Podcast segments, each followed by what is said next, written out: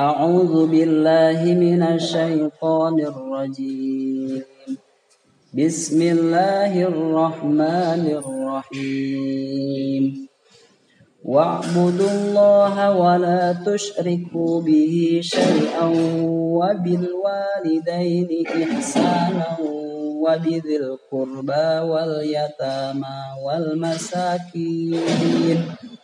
والمساكين والجار ذي القربى والجار والجار الجنب والصاحب بالجنب وابن السبيل وما ملكت أيمانكم إن الله لا يحب من كان مختالا فخورا الذين يبخلون ويأمرون الناس بالبخل ويكتمون ما آتاهم الله من فضله وأعتدنا للكافرين عذابا مهينا.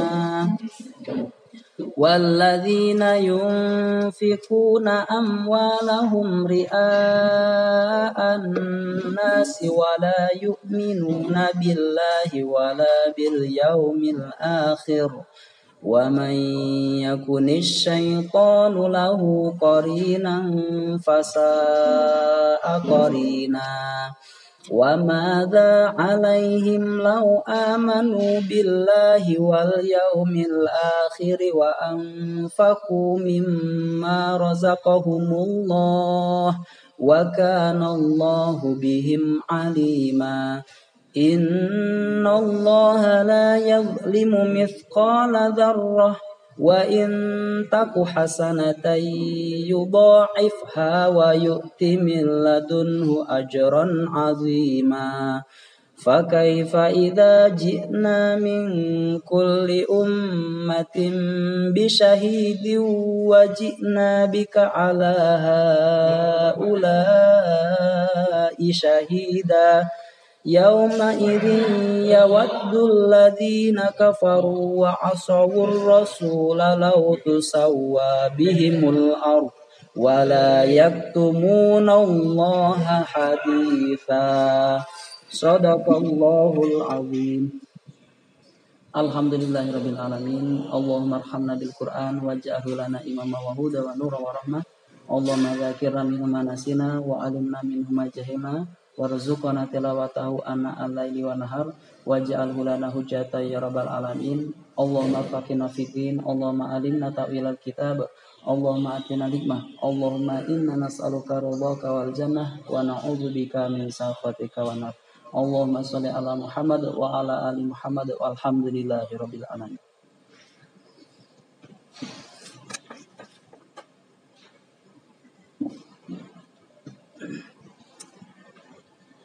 Maknanya ayat 36. A'udzu billahi minasyaitonir rajim. Bismillahirrahmanirrahim. Wa'budu dan menyembahlah kalian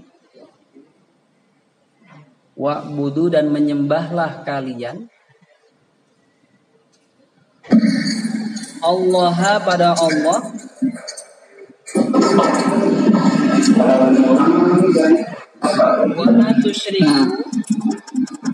wala tusyriku dan jangan menyekutukan kalian. Dan jangan menyekutukan kalian.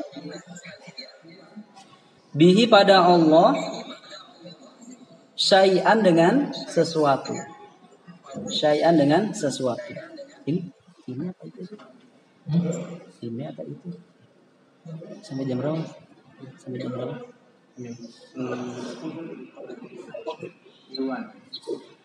Syai'an dengan sesuatu, koma sampai situ. Kamu sekalian menyembahlah kepada Allah dan jangan menyekutukan kepada Allah dengan sesuatu. Jadi menyembahnya itu betul-betul satu arah itu. Kepada Allah saja murni, hunafa, betul-betul condong bukan kepada yang lain. Ada orang yang menyembah kepada Allah. Tapi di sisi lain juga menyembah kepada selain Allah. Ya ini yang disebut menyekutukan. Justru inilah yang menjadi dosa paling besar tidak diampuni oleh Allah. Jadi ketika teman-teman berbuat sesuatu kemudian meyakini bahwa ada Tuhan selain Allah atau mempercayai benda-benda baik gelang, kalung, jimat dan sebagainya di mana benda itu bisa mendatangkan manfaat atau mudarat. Maka di situlah letak syiriknya syirik syirik billah, syirik kepada Allah. Nah itu tidak boleh karena dosa yang tidak bisa diampuni.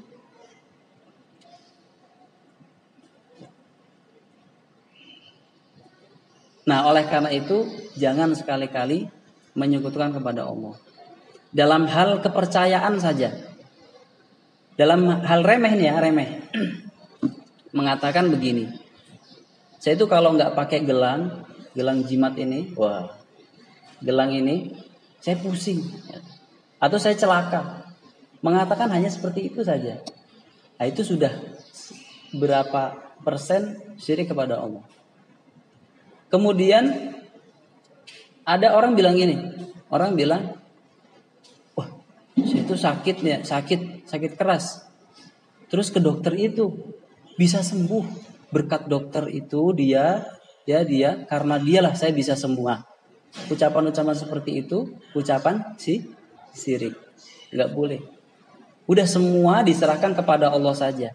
Makanya setiap segala sesuatu pekerjaan kita dimulai itu dengan bacaan basmalah. Kemudian selesai dengan ucapan alhamdulillah. Coba biasain kayak gitu. Kita mau belajar bismillah. Kita selesai belajar alhamdulillah. Itu kalimat thayyibah, ucapan-ucapan yang baik itu supaya dibiasakan. Kalimat syukur jazakallah khairah, istisna insya Allah itu dibiasakan. Walaupun sama ke anak kecil nih juga harus membiasakan seperti itu agar mereka bisa mengikuti. Nah ada syirik, ada perbuatan umatnya Nabi Muhammad Shallallahu Alaihi Wasallam yang beliau khawatirkan terhadap umatnya. Ada amalan yang beliau khawatirkan terhadap umatnya. Bukan umatnya menyembah berhala, bukan. Bukan umatnya menyembah matahari, bukan. Bukan umatnya menyembah bulan. Kalau mereka menyembah seperti itu jelas-jelas syiriknya udah nggak dibahas. Tapi kenapa?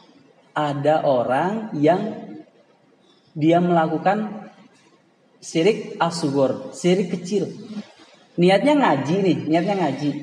Tapi di dalam hatinya terbesit, ah gue pengen ketemu sama mbak itu, gue pengen ketemu sama teman-teman biar bisa ngobrol.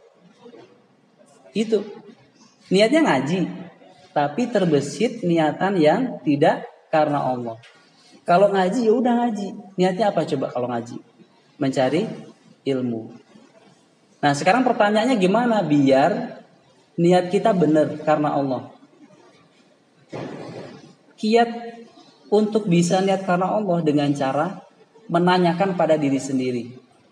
Saya udah sering katakan kepada generus kelompok lima terutama, tanyakan kepada diri sendiri, eh kamu ngaji buat apa gitu eh kamu manfaat ngaji apa? Kamu ke sini mau ngapain? Itu ditanya.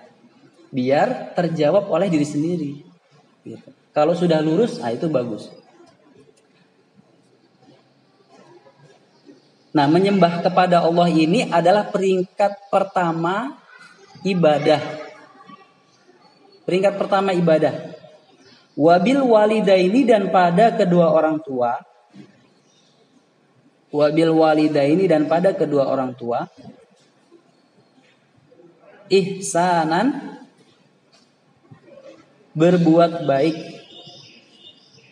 Wabil walidaini dan pada kedua orang tua ihsanan berbuat baik. Koma sampai situ. Berbuat baik itu luas luas sekali. Mulai dari menjaga perasaannya menjaga sikap kita menjaga eh, apa namanya komunikasi dalam tutur bahasa itu juga berbuat baik. Bagaimana caranya biar orang tua yang mendengar ucapan kita itu tidak merasa sakit sakit hati. Saya sering katakan, udah jadi anak itu kewajibannya, anak itu nggak nggak terbatas ya. Batas menjadi anak itu ketika orang tua sudah nggak ada. Seberapapun umur dia, punya anak berapapun, punya cucu berapapun, kalau masih ada orang tua itu masih disebut anak. Mas nih, walaupun udah berkeluarga, punya anak mungkin punya cucu, tapi orang tua masih ada, masih disebut anak. Nah bersyukurlah orang yang masih mempunyai orang tua. Karena apa? Kata orang-orang dulu, orang tua itu adalah jimat. Siji yang dirumat. Maksudnya apa? Ketika kita minta kepada kepada apa orang tua kita orang tua kita ridho, kita kita minta kepada Allah, orang tua kita ridho, Allah akan mengabulkan.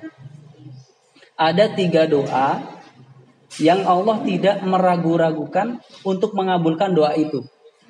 Salatu dakwatin mustajabat la syakka fihina.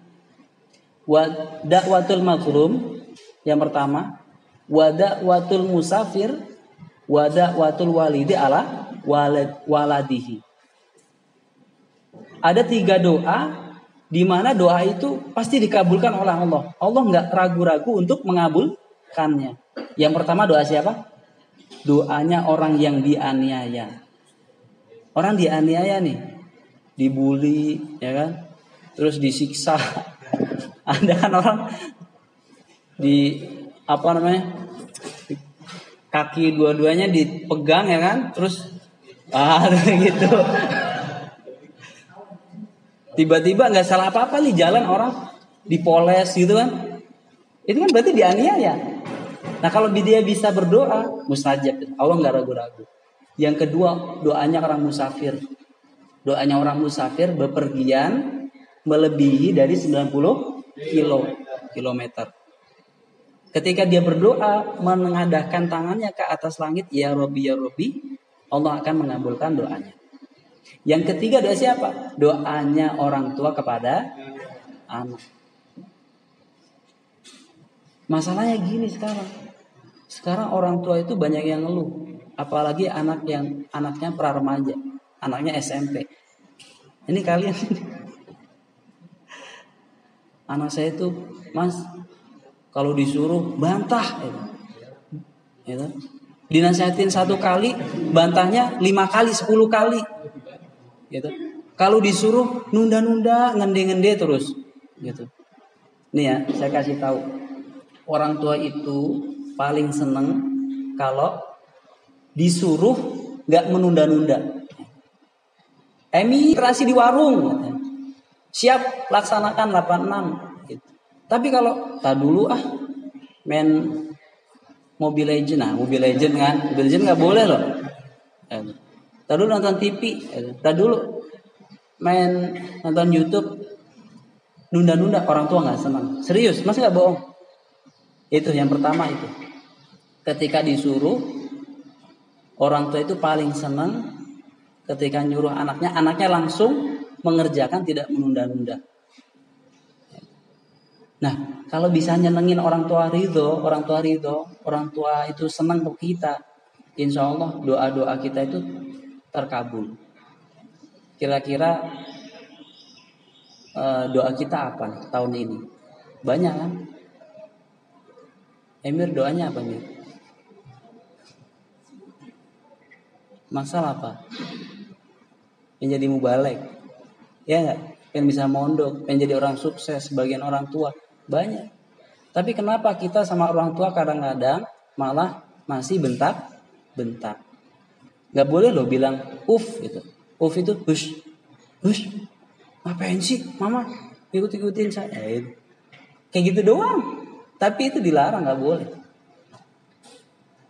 walaupun pandangan orang tua terhadap kita walaupun kita berbeda pendapat berbeda pendapat nih orang tua bilang A kita bilang B yang benar kita yang benar tuh kita dibilang B itu yang benar kita orang tua pandangan salah. Karena mohon maaf, orang tua kadang-kadang tamatannya cuman tamatan SMP atau SMA.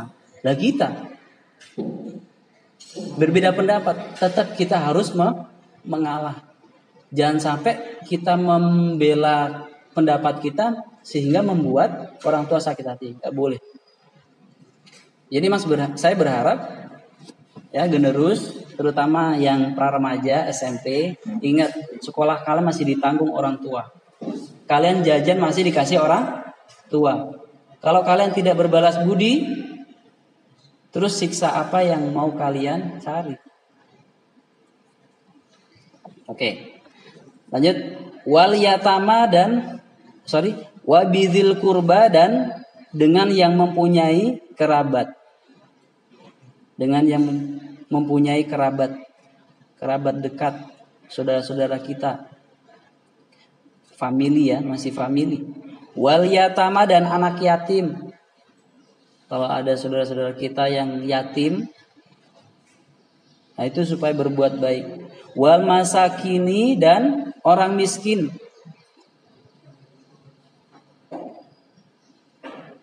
Wal jari dzil kurba dan tetangga yang dekat.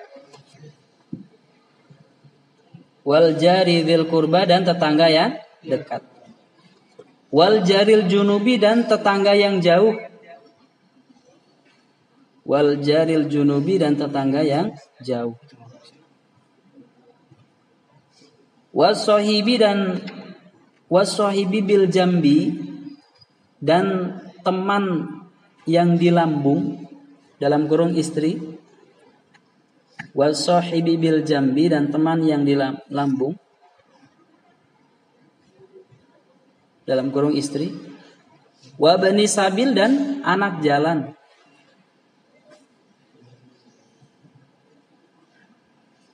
Wa ma malakat dan apa-apa yang memiliki wa ma malakat dan apa-apa yang memiliki aimanukum tangan kali tangan kanan kalian. Aimanukum tangan kanan kalian dalam kurung budak.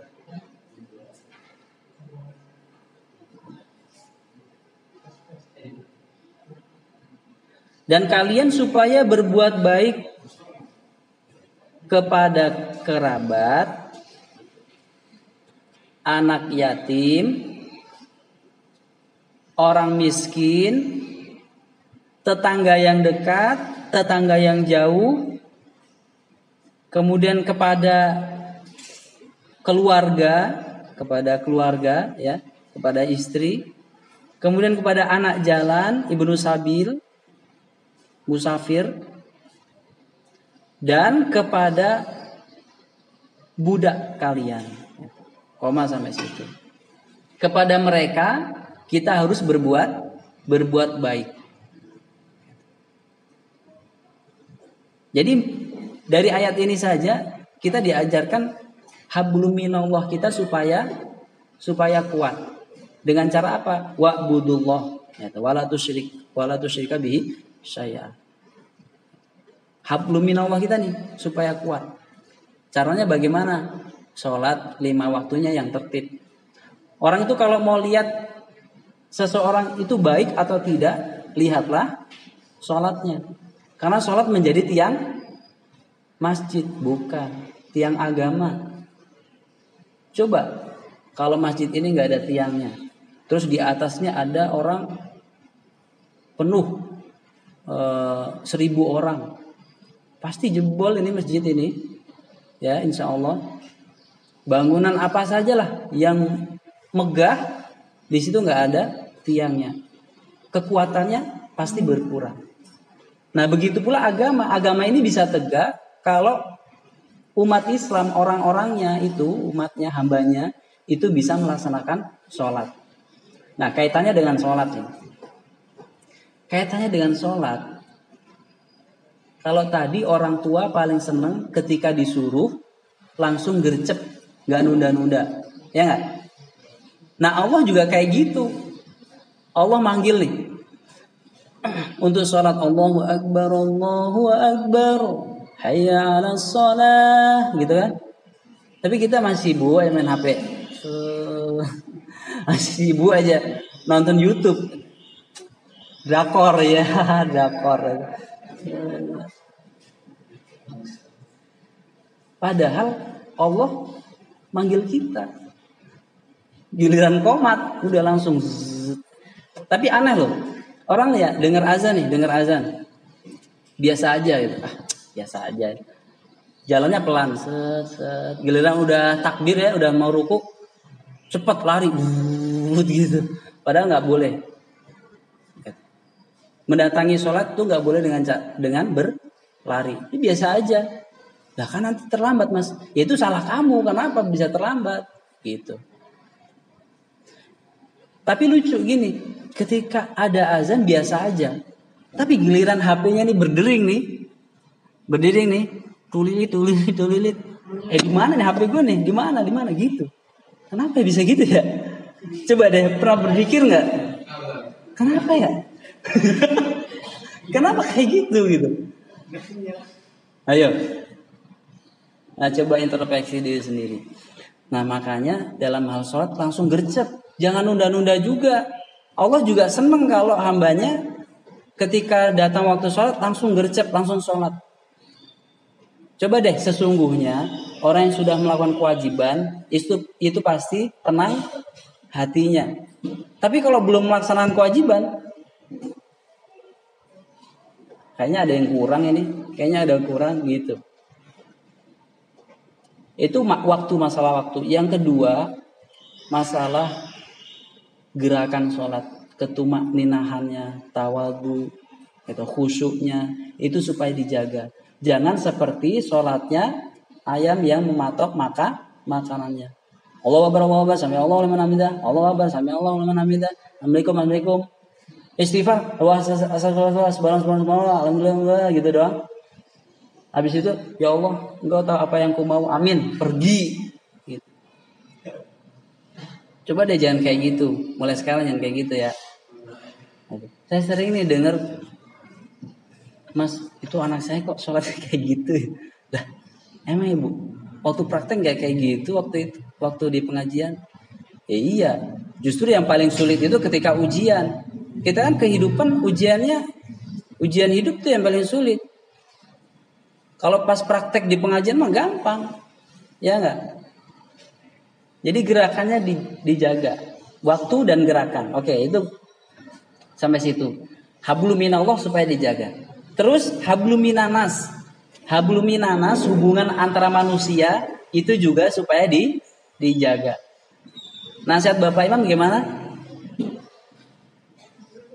supaya memiliki enam tabiat. Yang pertama, yang kedua,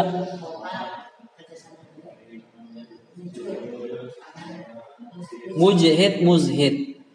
Itu jangan dijadikan sebagai ucap ucapan saja, tapi juga dipraktekkan. Dalam hal rukun, kaitannya dengan rukun. Kerukunan itu ya, kalau di nasihat Bapak Imam bulan ini di dalam umatku itu akan menyebar penyakit. Menyebar, cepat menyebarnya. Yaitu penyakit dengki dan marah-marah. Ini penyakit, dua penyakit ini yang akan menyebar di antara manusia, di antara umatnya.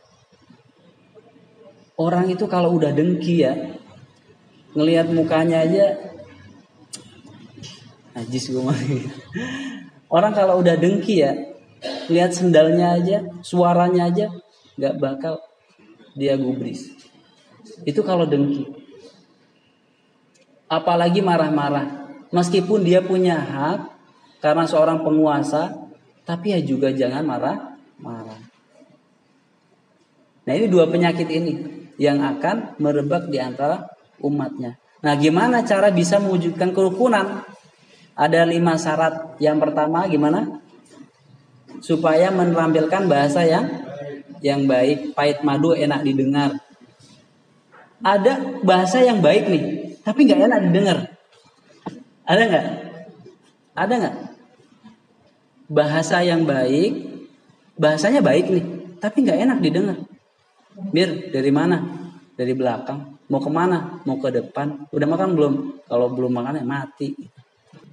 Baik kan? Tapi nggak enak didengar. Suwe nih orang nih ditanya bener-bener. Kadang-kadang suka gitu.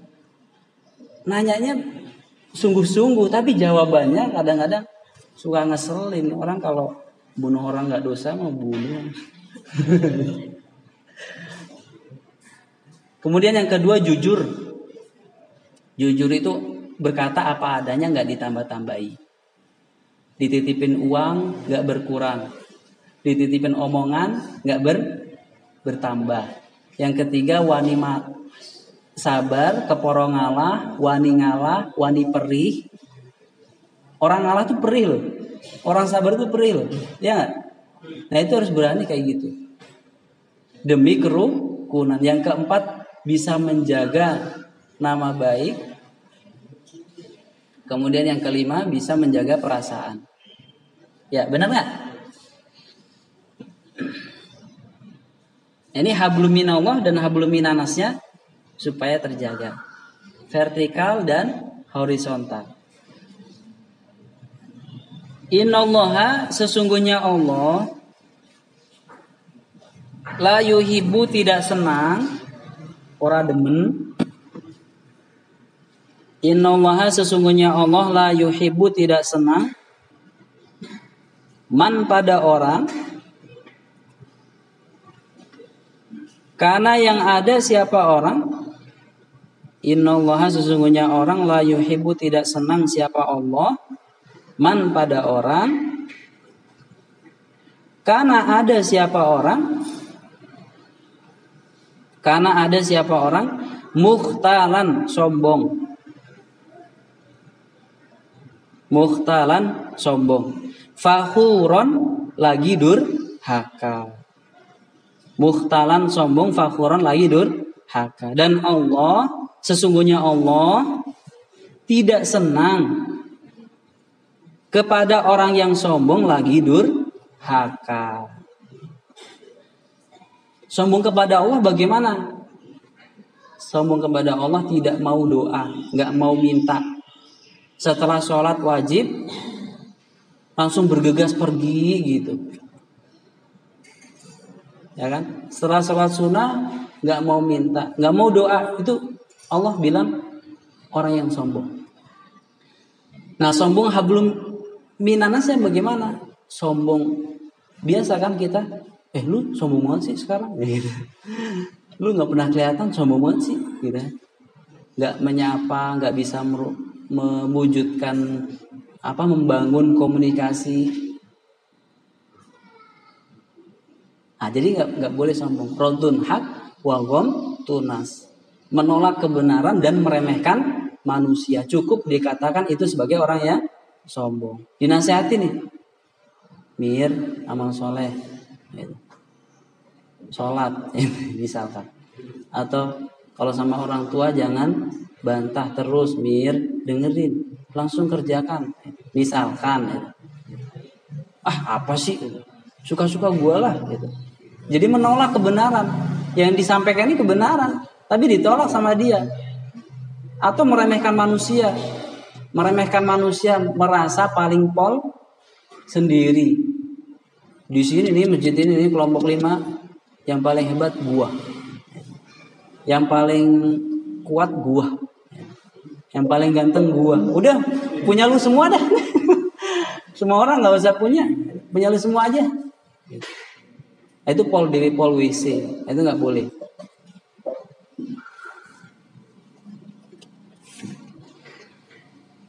Nah orang yang sombong lagi durhaka itu seperti apa? Alladzina orang-orang Ya bekholuna pelit mereka.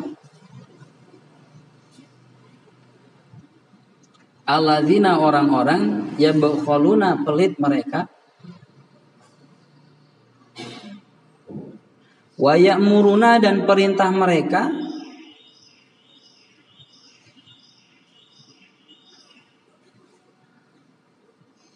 an-nasa pada manusia. Wa ya'muruna dan perintah mereka an-nasa pada manusia. Bil bukhli dengan pelit. Koma sampai situ.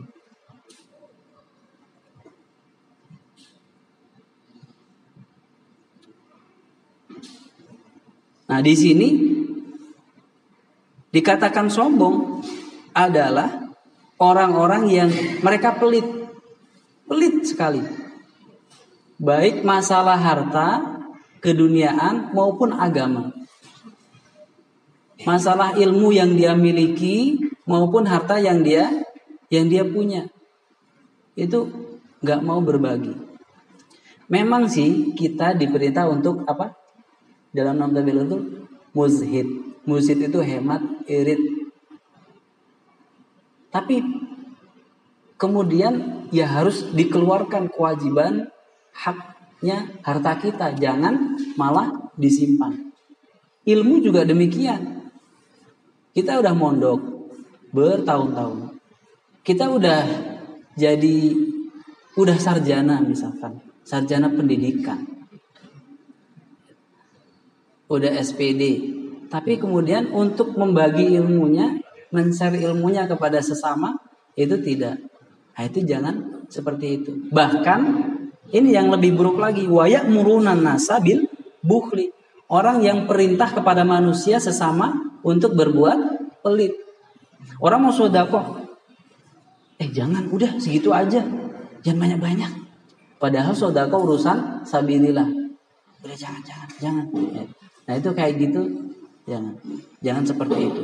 Itu termasuk orang yang sombong. Bukan hanya bukan hanya teman lama itu lama nggak ketemu gitu kan terus lu udah nggak pernah kelihatan lu sombong banget sih gitu sombong amat gitu. mana ahli sombong amat Mas Ojan nih mana orangnya sombong amat sih gitu. Atau disuruh sama sama orang lain sama kakaknya sendiri. Kadang-kadang nggak mau. Malah dia nyanyi aku bukan bonekamu gitu. Dia amal soleh ambilin piring gitu. Nyanyi dia aku bukan boneka bisa kau rayu-rayu. Dengan sesuka hati. Lah disuruh harus taat. Sombong amat sih gitu kan biasanya kita jadi kategori sombong di lanjutan ayat ini adalah orang yang dia pelit dan perintah pelit kepada sesama. Wayat tumuna dan menyimpan mereka Wayak tumuna dan menyimpan mereka ma'atahum ma pada apa-apa. Wayak tumuna dan menyimpan mereka ma pada apa-apa. Atahum yang telah memberi kepada mereka. Atahum yang telah memberi pada mereka. Sopo? Allahu Allah. min fadlihi dari keutamaannya Allah min fadlihi dari keutamaannya Allah dan mereka keterangannya menyimpan pada apa-apa yang telah Allah berikan pada apa-apa yang telah Allah berikan berupa ilmu dan harta. Keutamaan Allah itu maksudnya ilmu dan harta. Orang punya ilmu keutamaan Allah loh. Jangan merasa wah gue yang paling hebat. Ini semua karena saya. Enggak, itu keutamaan Allah. Begitu pula masalah harta. Juga demikian. Nah orang yang sombong mereka menyimpan pada itu. Tidak men-share ke sesama, tidak mau berbagi. Justru malah mereka perintah kepada manusia untuk menyimpannya, sama-sama menyimpan. Nauzubillah min dzalik. Wa atadana dan menyediakan kami Allah. Wa atadana dan menyediakan kami Allah. Lil kafirina pada orang-orang kafir. Lil kafirina pada orang-orang kafir. Azaban siksaan. Muhinan yang yang hina azaban siksaan muhinan yang yang hina. Dan kami Allah menyediakan siksaan yang hina bagi orang-orang kafir. Orang-orang yang mereka pelit, mereka menyimpan ilmu dan harta, mereka sombong, mereka durhaka, mereka tidak mau berbuat baik kepada orang tua, kepada sesama.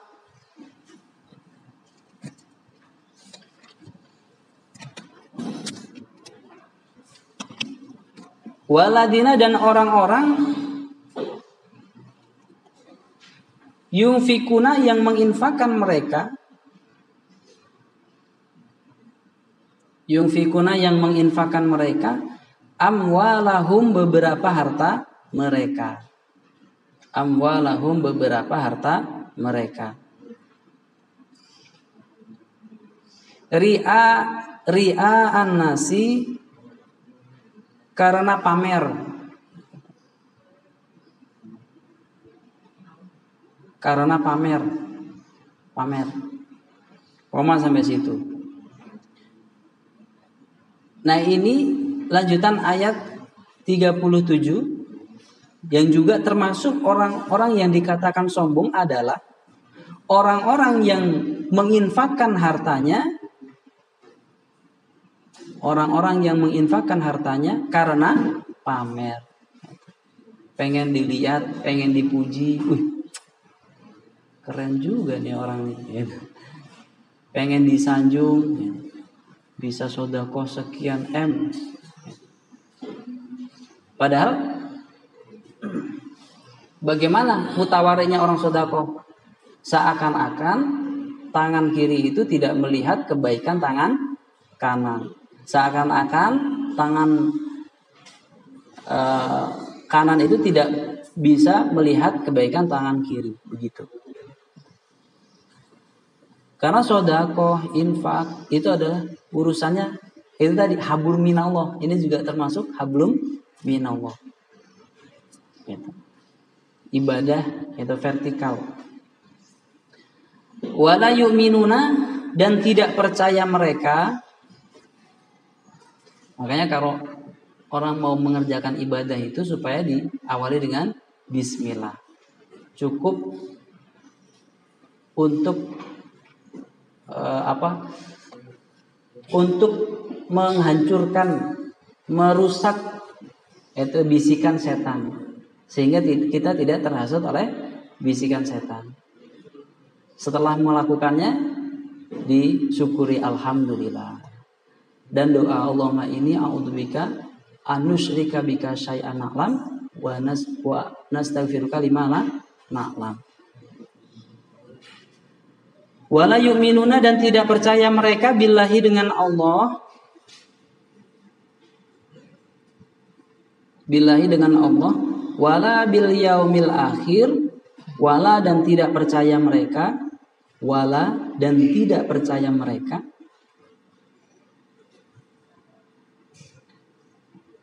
bil yaumil akhir dengan hari akhir. Dengan hari hari akhir. Serta mereka tidak percaya dengan Allah dan hari akhir.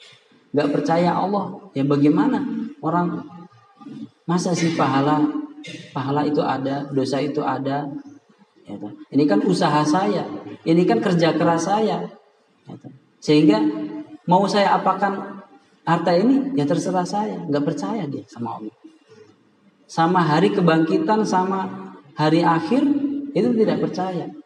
Nah nanti ada reinkarnasi, nanti kita dihidupkan lagi. Nah, seperti itu sehingga dia dalam menginfakkan hartanya, mengeluarkan hartanya itu dengan dengan rasa pamer. Waman dan orang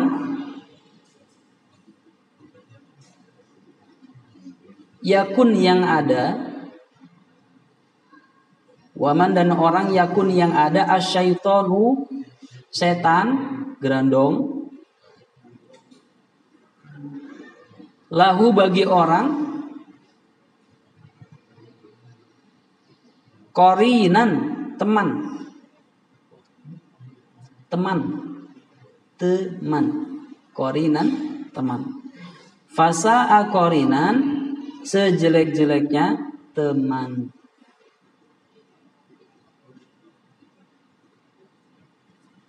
Sejelek-jeleknya teman.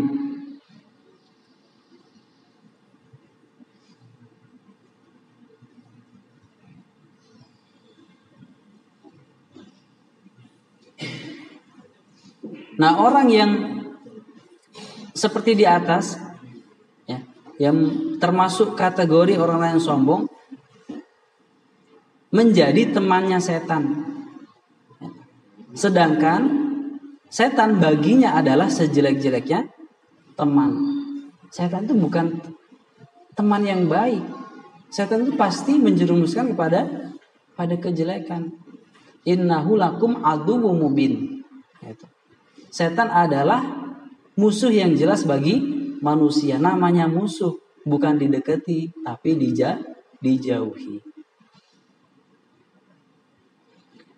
Wamada dan ini, wamada dan apa ini?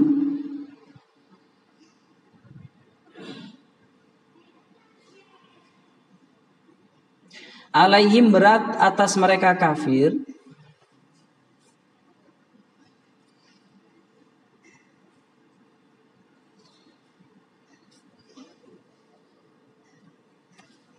alaihim berat atas mereka kafir. Lau amanu andaikan mau iman mereka. Andaikan mau iman mereka. Bila pada Allah.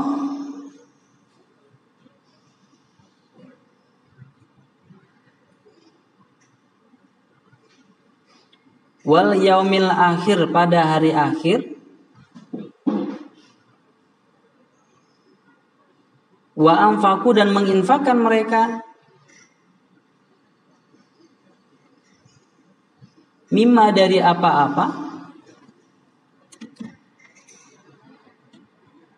Rozaqohum yang telah memberi rizki pada mereka. Rozaqohum yang telah memberi rizki pada mereka.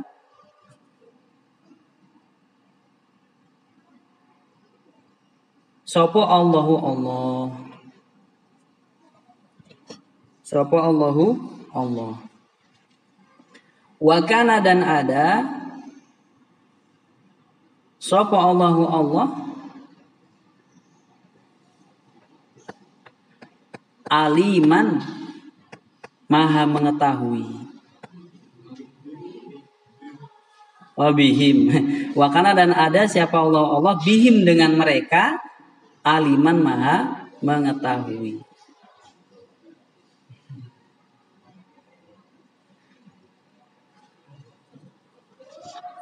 bihim dengan mereka aliman maha mengetahui. Nah ini sebuah pertanyaan. Wa madza? Wa madza? Dan apakah apakah berat untuk mereka? Keterangannya dan apakah berat untuk mereka andaikan mereka iman kepada Allah dan hari akhir. Apakah berat untuk mereka andaikan mereka iman pada Allah dan hari akhir serta menginfakkan rizki yang telah Allah berikan. Apakah berat? Seharusnya ya tidak. Ya tidak. Koma. Dan Allah maha mengetahui dengan keadaan mereka. Allah maha mengetahui. Titik sampai situ. Alhamdulillah jazakumullahu khairan. Mudah-mudahan Allah memberi manfaat dan barokah. Cukup sekian pengajian pada pagi hari ini. Banyak kekeliruan, saya mohon maaf yang sebanyak-banyaknya. Cukup mas? Setelah ini kasih apa? Cukup sekian dari saya. Akhirul qali. Assalamualaikum warahmatullahi wabarakatuh.